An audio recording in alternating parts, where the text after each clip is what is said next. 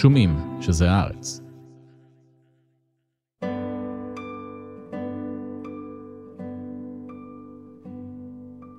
שוליית הקוסמת, מאת תמר הוכשטטר. פרק שישי, כפר הילדים. בבוקר העירה אותו ממביזן עם אור ראשון. הוא מיהר לקום, ומעט במבוכה כשגילה כמה הוא גבוה לעומתה. כאשר הביט עליה מלמעלה, תקפה אותו תחושה משונה של סחרחורת, ולכן התרחק קצת והקפיד להביט קדימה. הם התחילו ללכת. במהרה התברר שהם הולכים לאט מאוד, לאט מדי. אפילו שניסה, התקשה נוח לבלום את עצמו וללכת בקצב החדש של הקוסמת. הוא היה רגיל כל כך לרוץ אחרי פסיעותיה הרחבות והמהירות, ועכשיו, לא רק שצעדיה נהפכו לקטנטנים, היא גם מעדה שוב ושוב וקיללה ללא הפסקה. כשהושיט יד לעזור לה, הפנתה את פניה בהבעת בוז. השמש כבר הציצה מאחורי הגבעה, כשאמרה בקול יבש וחותך, די! נוח עצר. אף על פי שלא עברו מרחק רב, הרגיש סחוט. הוא הסיט את הטלטלים מעל מצחו וניגב את הזיעה. הקוסמת התיישבה על הארץ בהנחה. היא הביטה בו מתנשפת. הכיס הזה, אמרה והצביעה על התיק על גבו של נוח.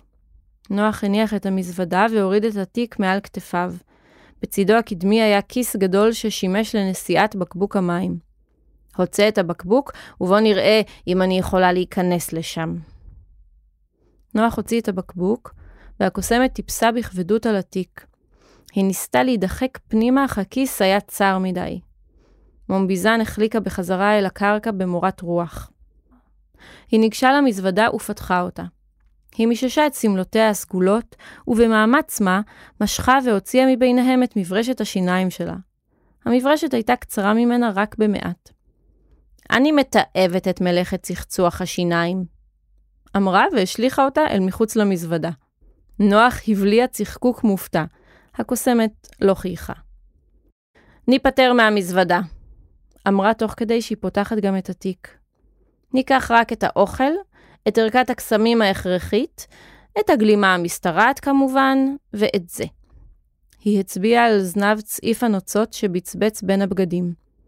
אם תכרוך את זה סביב החזה והכתפיים, אני מאמינה שאוכל לשבת בפנים, עם הראש קדימה.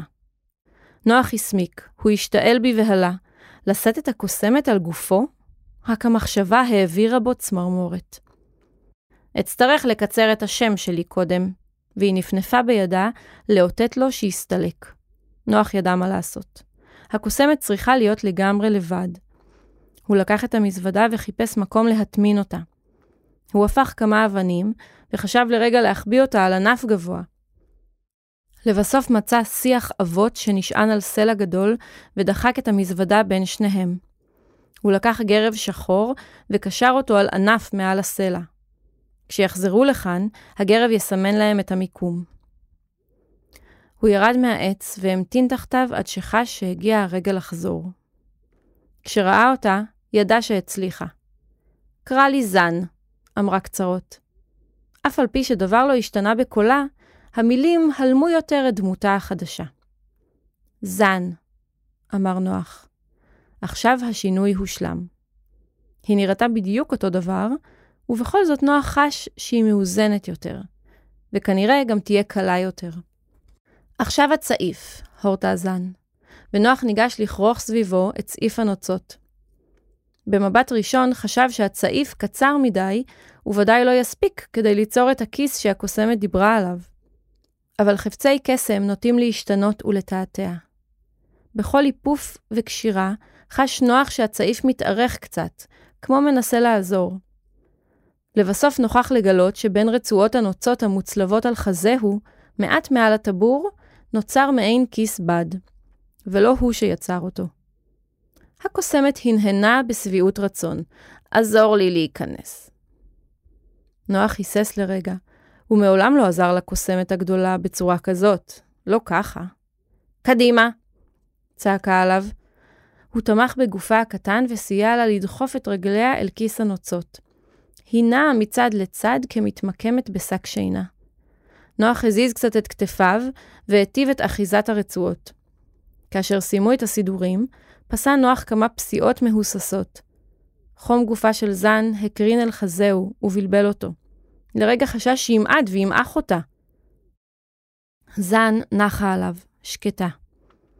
הכיס היה מהודק מספיק אל גופו של נוח, ולכן הקוסמת לא נחבטה בתוכו כשהלך. ובכל זאת, היה רפוי מספיק כדי שתוכל להכניס את ראשה פנימה, אם יגיע עובר אורח שלא תרצה לפגוש. כעת היו נוצות הצעיף ירוקות מבריקות, והמראה שיבה לנוח חזות של תוכי צעיר. הנוצה הזהובה זהרה באור הבוקר. כך, כשהקוסמת כרוכה על חזהו, שינתה ההליכה את אופייה.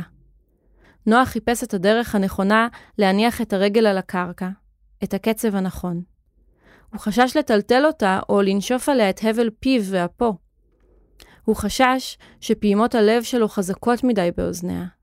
כל גופו הקצץ מהניסיון ללכת באופן הנכון. לרגע קצר דמעות נקבו בעיניו, ומיד חשק את ליסטו.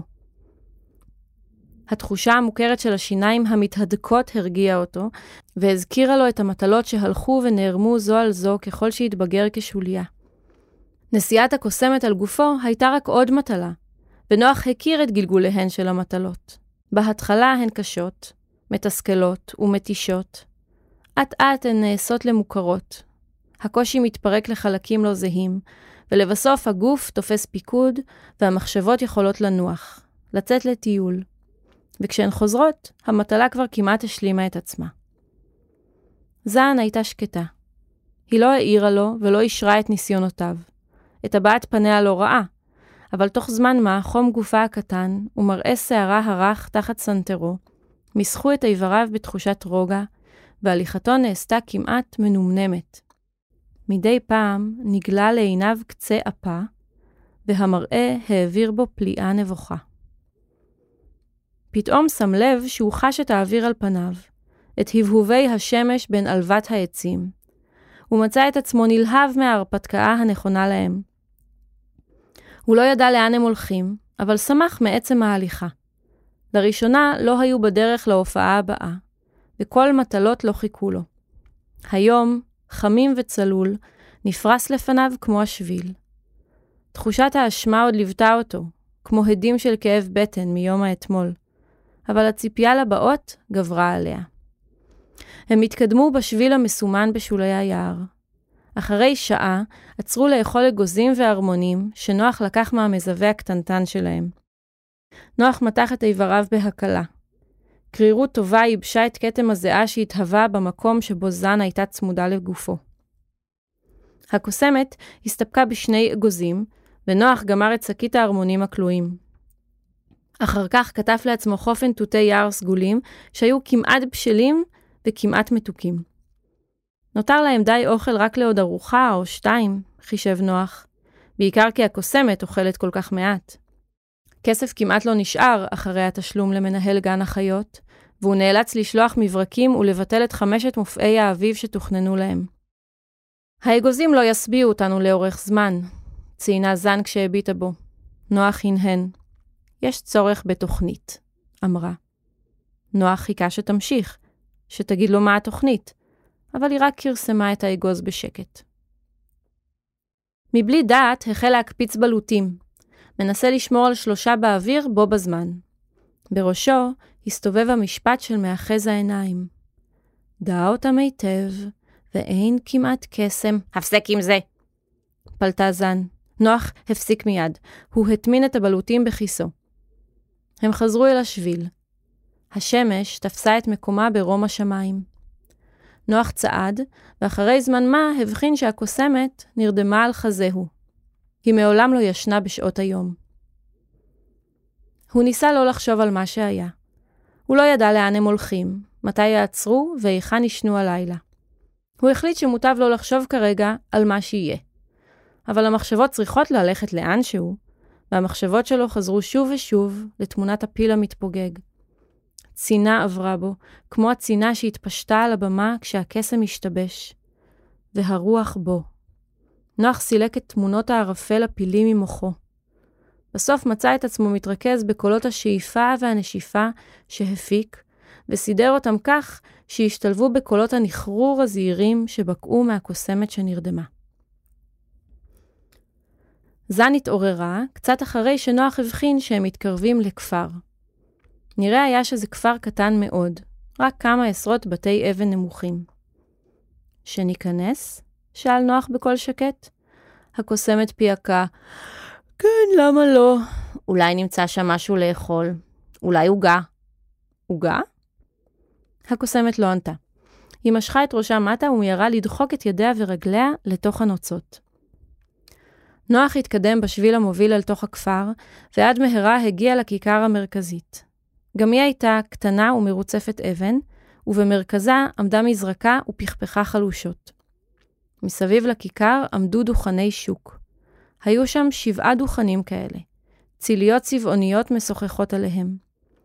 שתי זקנות שוטטו ביניהם. נוח התקרב וראה ירקות ופירות וגם נקניקים וריבות.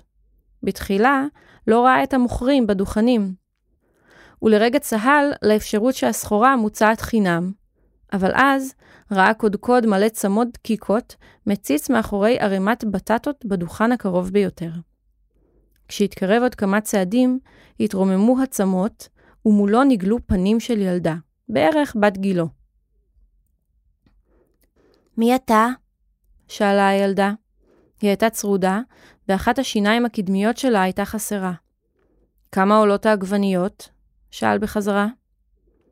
למה אתה מדבר מצחיק? ולמה התחפשת לאפרוח? שאלה הילדה והצביעה על הצעיף הכרוך סביבו. נוצותיו היו כעת לבנות ורקות, והקוסמת הייתה מוסתרת בתוכן לחלוטין. נוח הסמיק, הוא באמת נראה כמו אפרוח. מאיזה כפר אתה? המשיכה הילדה לשאול. נוח חש שעוד עיניים ננעצות בו מאחורי הדוכנים, ושגם שתי הזקנות פסקו מקניותיהן וצפו בו. הוא סובב מעט את ראשו, והבחין שגם מאחורי הדוכנים הסמוכים יושבים ילדים. אני לא משום כפר, ענה לבסוף. אני רק רוצה לאכול משהו. משום כפר? שאלה הילדה בהפתעה.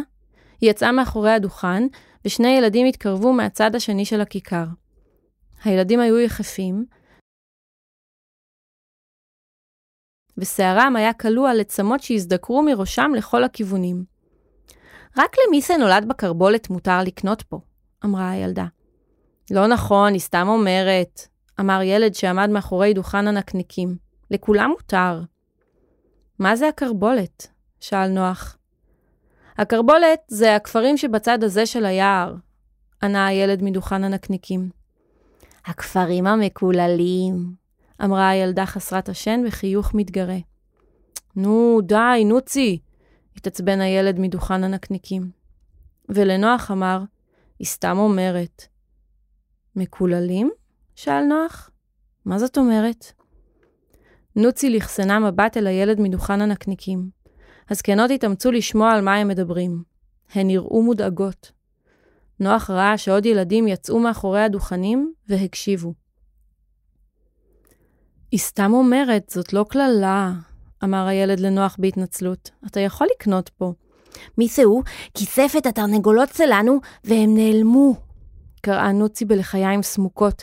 הקול שלה עלה לצווחה. באמת? שאל נוח. היא חייכה, אבל נראה היה שהיא עומדת לפרוץ בבכי. באמת, באמת, האימהות שלנו הלכו להחזיר אותן. הן רק הלכו לפסטיבל בעיר, אמר הילד מדוכן הנקניקים בקול שקט. זה סקר. התרנגולות שלנו נחטפו. זה קרה גם בכפרים האחרים. כולן הלכו? שאל נוח. כל האימהות? הילדים קימטו את מצחיהם. ילד אחד נצמד לילדה בוגרת והתחיל לבכות. נוח הסתכל מסביב.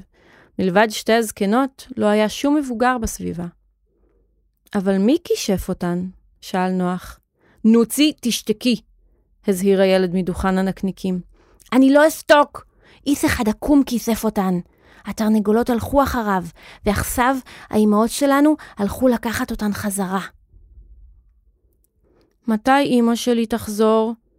שאל אותה ילד קטן והסיט קבצת שיער שחור מעיניו. בקרוב, אמר הילד מדוכן הנקניקים. אי אפשר לדעת מתי, צעקה נוצי. פתאום הרגיש נוח צביטה חזקה ליד הפופיק. היי!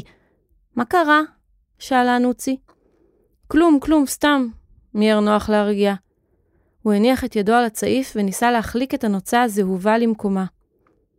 מה יש לך שם? שום דבר. אבל זן המשיכה לאותת לו במשיכות וגירודים. אני, אני, אני כבר חוזר, אמר נוח, והלך בצעד מהיר לכיוון אחת הסמטאות. הילדים הביטו בו מתרחק. כשהגיע לפינה מוצלת, פרה מעט את הצעיף, והקוסמת דחפה את ראשה החוצה. יש לי תוכנית, היא הכריזה בלחישה שורקת וכמעט ליקקה לו את הסנטר מרוב התלהבות.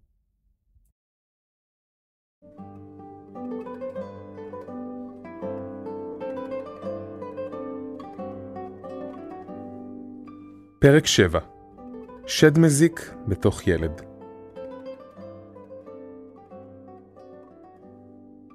אמו של הילד שדיבר כמו גבר לקחה אותו לרופא. הרופא הציץ לתוך הגרון, הקשיב לנשימותיו של הילד, ביקש ממנו להשתעל ולדבר וללחוש, אבל לא מצא דבר. העצם הסתוותה באדמומיות הגרון. ואולי הרופא היה קצר רואי. הוא רשם לילד סירופ, לבלוע פעמיים ביום. הילד בלע את הסירופ המר יום-יום, עד הטיפה האחרונה, אך דבר לא השתנה. תושבי הכפר הצביעו עליו גם כששתק. לעתים ירקו, או לחשו תפילה. הילד מקולל. השתלט עליו שד מזיק, אמרו זה לזה. בבוקר הייתה אמו ממהרת להסתלק מהבית, בטרם יתחיל בשיעוליו. הילד ניסה להבין מה בעצם קרה. למה זה קרה? הוא שכח איך היה נשמע פעם, כשקולו היה רך. הילדים האחרים פחדו ממנו, אף על פי שהיה רזה וצנום. הם רדפו אחריו, וכשאיימו להרביץ לו, שאג עליהם וקולו כמפולת צלעים. הם ברחו בצווחות, דקות כמחטים. פעם אחת זרקו בוץ על חלון חדרו. פעם אחרת תפסו אותו בכוח וקשרו את פיו בבדווה. הם הרביצו לו והשאירו אותו חבול על הקרקע. ההורים לא התערבו. גם הם חששו מהילד. גם הם התלחשו על שדים מזיקים. הילד חמק מהכפר ויצא לשיטוטים ארוכים ביער ובהרים. הוא היה חוזר לביתו בשקיעה, שרוט ומלוכלך, אחרי ששתק יום שלם. קשה היה לשתוק זמן ארוך כל כך. הילד ראה דברים וחשב מחשבות, והוא רצה לספר עליהם למישהו. אבל במקום לספר, הוא שתק. שתק יותר ויותר. ובתוך השתיקה שקע ונעלם זיכרון עצם העוף הקטנה. ובמקומה חלחלה בו האמונה שהשד מזיק באמת שם, שוכן בגרונו, אוחז אותו ולא מרפה. באצבעות תקיפות ניסה לחלץ את השד מזיק. גופו נחבט והתפתל. אך השד מזיק לא יצא. פעם אחרת ניסה לדבר אליו. הוא התחנן בפניו שיצא. ניסה לפתות אותו במתנות ונדרים. אבל השד מזיק לא שאל את תחנוניו, ורק קולו הנורא הרעים במילותיו של הילד. פעם אחרת איים על השד מזיק בסכין, ונחתך. אמו חבשה אותו ונאנחה. הבעה זעופה התקבעה על פניו. באחד משיטותיו מצא מערה. כשהיה במערה שחרר את השד בקרבו ונתן לו להשתולל. קירות המערה הדהדו את הסיפורים והשירים, הבדיחות והצעקות, והילד היה צריך לסתום את אוזניו כדי לא להתחרש.